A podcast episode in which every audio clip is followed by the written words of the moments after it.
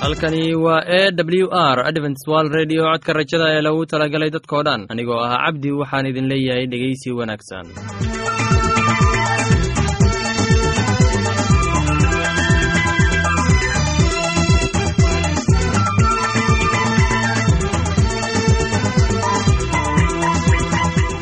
barnaamijyadeena maanta waa laba qaybood. Qaybta kuwaad waxaad ku maqli doontaan barnaamijka nolosha qoyska. Kadib waxaa inoo raaci doonaa cashar inaga yimid bugga nolosha. Dhegaystayaasheenna qiimaha iyo qadarinta mudano waxaan filayaa inaad si habboon u dhegaysan doontaan. Haddaba haddii aad qabto wax su'aal ama talo iyo tusaale oo ku saabsan barnaamijyadeena maanta fadlan inala soo xiriir. Dib ayaynu kaga sheegi doonaa ciwaanka yagu balse intaynan u guuda gelin barnaamijyadeena xiisaa leh. Waxaad marka hore ku soo dhowaataan. Heestan daabacsan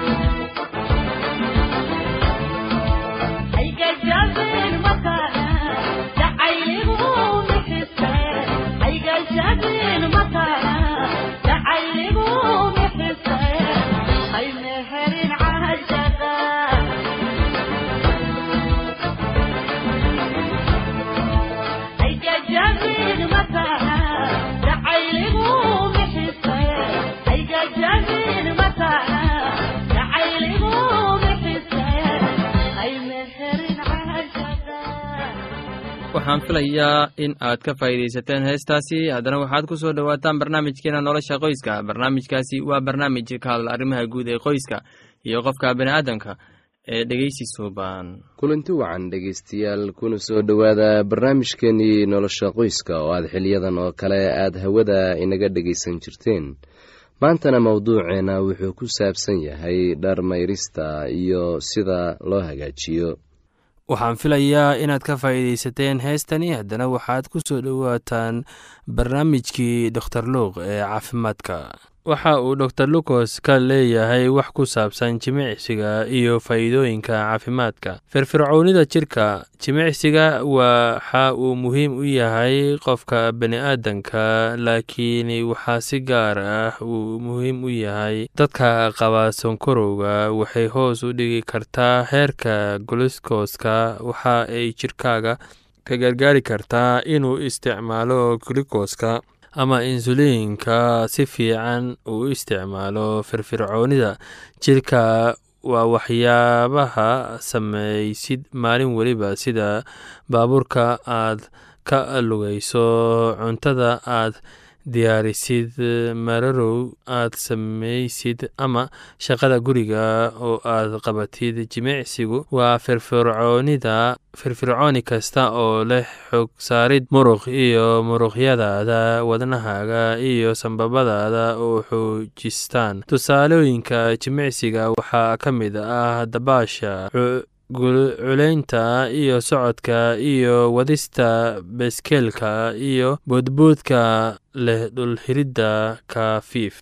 Jimicsiga joogtada ahi waxaa kale uu ka gargaari karaa inuu hoos u dhigo cadaadiska dhiigaagu inuu u yaraado kolestareelka nooca loo yaqaano d l d nooca xun oo gubka loo ridaa dhisidda muruqyada oo uu baruurka luuto ooyin aad u wacnayn intii horey ka badan dareenta aad yeelatid intii ka horey oo ka badan iyo gigsanaantu oo ah maxay yidhahdaa murugada? Khuburada dhinaca caafimaadka ayaa walaac ka muujiyey in wax kasta aad u yar looga qabtay sidii loo yareyn lahaa sameynta ka dhalata dhaqdhaqaaq la'aanta ama jimicsiga ku yar dadka ku nool caalamka. Warbixin ay soo saartay dadka caafimaadka ku shaqaale ayaa lagu qiyaasay in afar meelood hal meel ka mid yihiin dadka dunida ku badan tiradooda oo aysan wakhti weliba caafimaadka jimicsiga la xiriira aysan garanaynin jimicsiga ku filan tirada ayaana kordhay si ka caadis ah ee wakhtiga uu dor lucos sheegay. Qiyaastani ayaa ka dhigan inuu guud ahaan dadka caalamka afartii qof mid ka mid ah uu ku jiro halista noocaasi ah dhaqdhaqaaq la'aanta ayaa sababta in dadka ay soo wajahaan xaalado caafimaad darro sida inay qofka u dhacaan cudurrada wadnaha nooca labada ee cudurka macaan ama sonkorowga iyo noocyo ka mid ah cudurrada ee loo yaqaano kansarka. Talooyin sidee ugu habboon oo qof u samayn kara jirkiisa ama jimicsiga lixdan lixdan jirka jirkiisa ku caafimaaday dalalka uu soo galo dhaqdhaqaaqyada badan ay dadka sameeyaan oo ka mid yihiin waddamada uu ku noolaa dor lucos ayay dadkooda badan jimicsiga aad u samayn jirin waagaasi. Sidoo kale haweenka caalamka oo idil ayaa loo aqoonsaday inay yihiin kuwa jimicsiga yar ka yari ragga. Cilmi baarayaasha ee ee dunida ayaa og oona taageersan sida uu dor lucos u soo saaray caafimaadka noocaasi ah khubarada ayaa ogaaday in waddamada dhaqaalahu sare sida waddamada galbeedka iyo kuwa kale ay shacabkooda khatarta ugu badan ku jiraan la'aanta ee jimicsiga caafimaadka. Wadamada kale ee safka hore uga jira liiska jimicsi la'aanta waxaa ka mid ah waddamada galbeedka. Dor lucos ayaa sheegay in jimicsi la'aanta ay hadda joogtay daaliga cusub ee bani aadamka maadaama ay dad fara badan ka dhexeeyaan cuduro badan oo la xiriira caafimaad la'aan. Waxa ay sidoo kale saameyn ballaaran ku yeelan karta ugu yaraan dadka aan jimicsiga sameyneynin waxaa la sheegay in ay keenayso cumri deg deg aada u sareeya haweenka. Ayaa si guud ahaan u dhaqdhaqaaqa ragga iyo loo eeg dhammaan dalalka laga sameeyo ee jimicsiga aadka u wanaagsan oo dhakhaatiirta ay la taliyeen. Hase ahaatee dalalka ku ballaaran bariga iyo koonfurta bariga ee aasiyada ayaa si weyn uga duwan dhanka dhaqdhaqaaq ugu fiican waddamada kale ee ku yaalla koonfurta aasiya bartamaha aasiya iyo bariga u dhexeeya iyo waqooyiga afrika iyo dunida. Dacaladeeda oo dhan dor lucos wuxuu dhiirigelinayaa dadka aan caafimaadka wanaagsanayn inay isku dayaan jimicsi caafimaad si ay noloshooda u dhisaan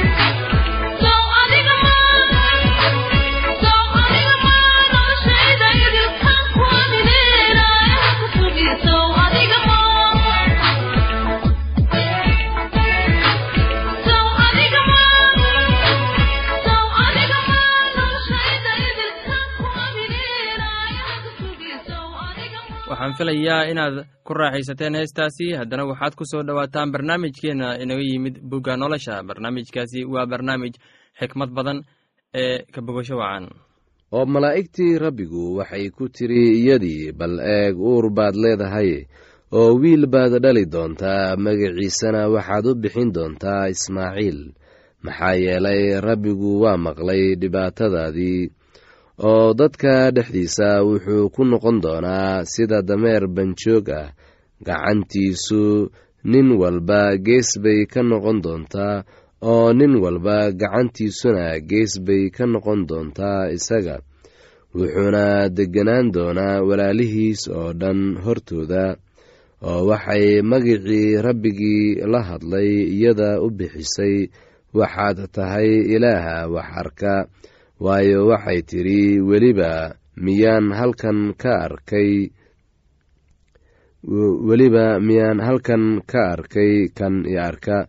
Sidaas daraaddeed ceelkii waxaa loo bixiyey bicir laharyoor bal eeg wuxuu u dhexeeyaa kaadesh iyo bered oo xageer waxay abrahm u dhashay wiil oo abramna wuxuu wiilkaasi xageer dhashay u bixiyey ismaaciil.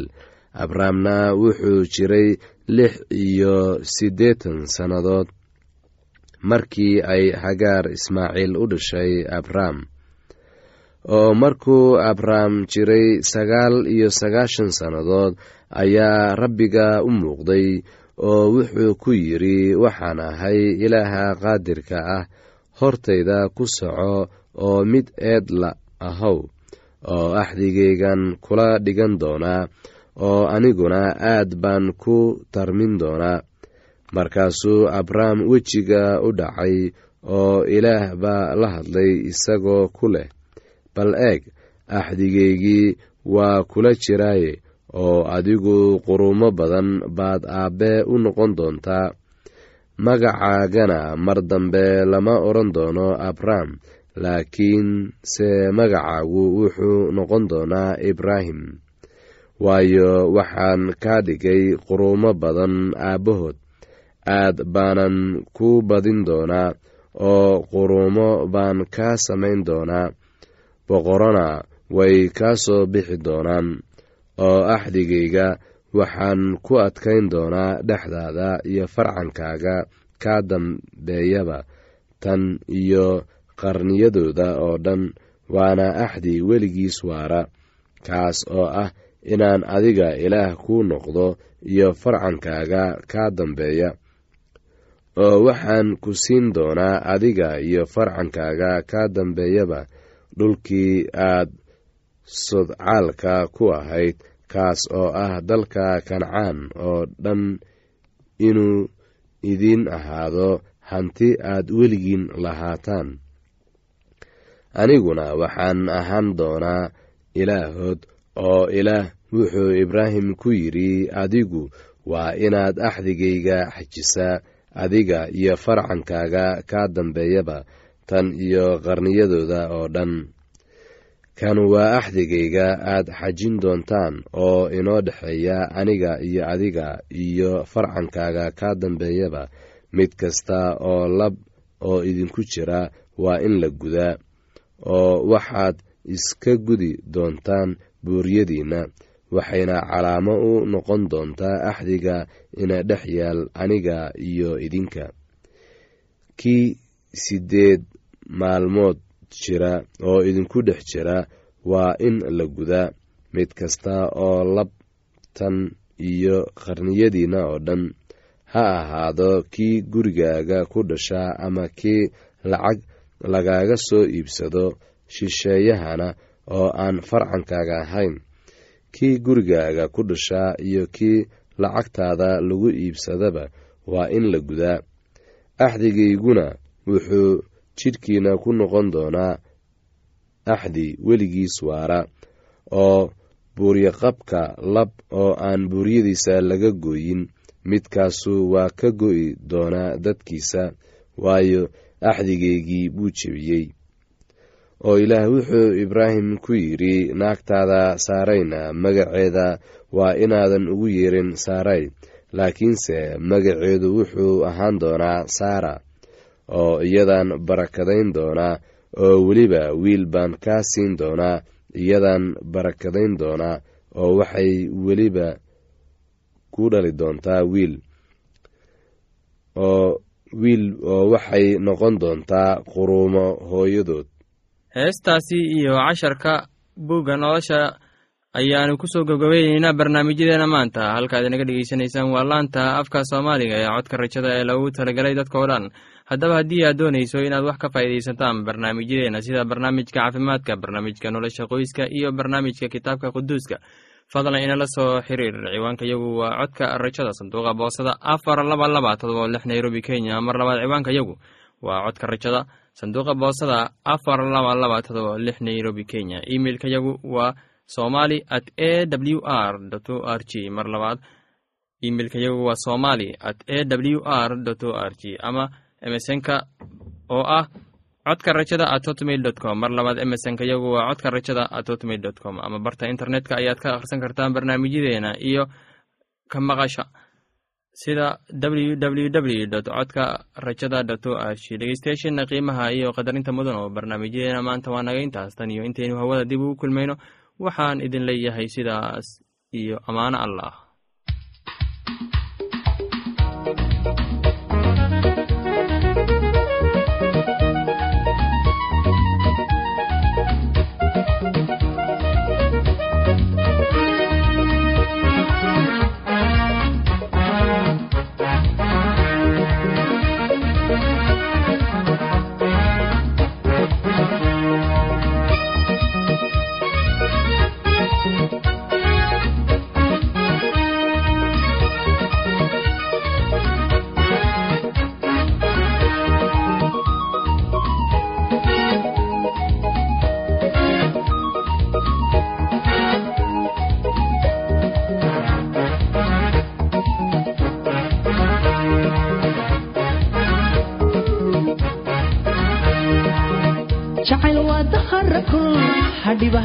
soo desro jacayl waa daqara kulul hadhibaha kula soo desro dareen weeye aan hadhay intaa kala durugsantiin miday naftu damacsanayd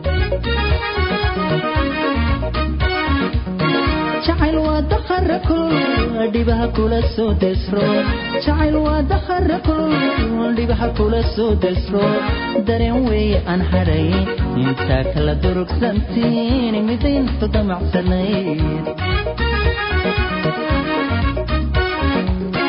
dayre waa nacab u daran dadkuna kugu cebsadaan. Dayre waa nacab u daran dadkuna kugu cebsadaan.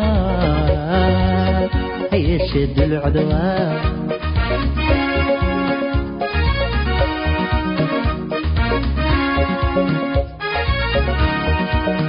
dulucda waa nacab u daran dadkuna kugu cebsadaan dayri waa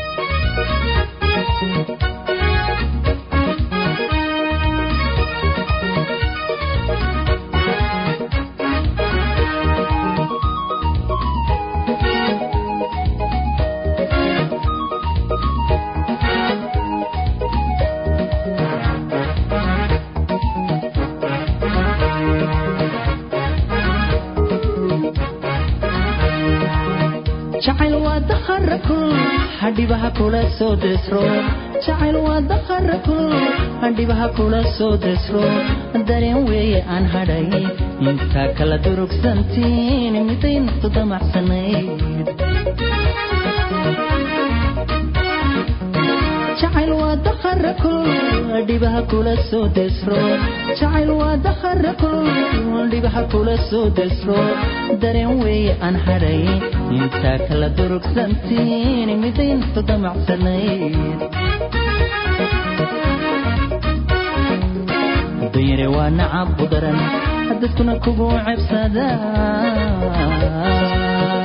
dayre waa nacab u daran dadkuna kugu cebsadaan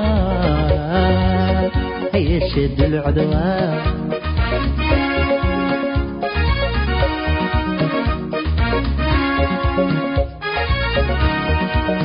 Dayri waa nacab u daran dadkuna kugu cebsadaan dayri waa nacab u daran dadkuna kugu cebsadaan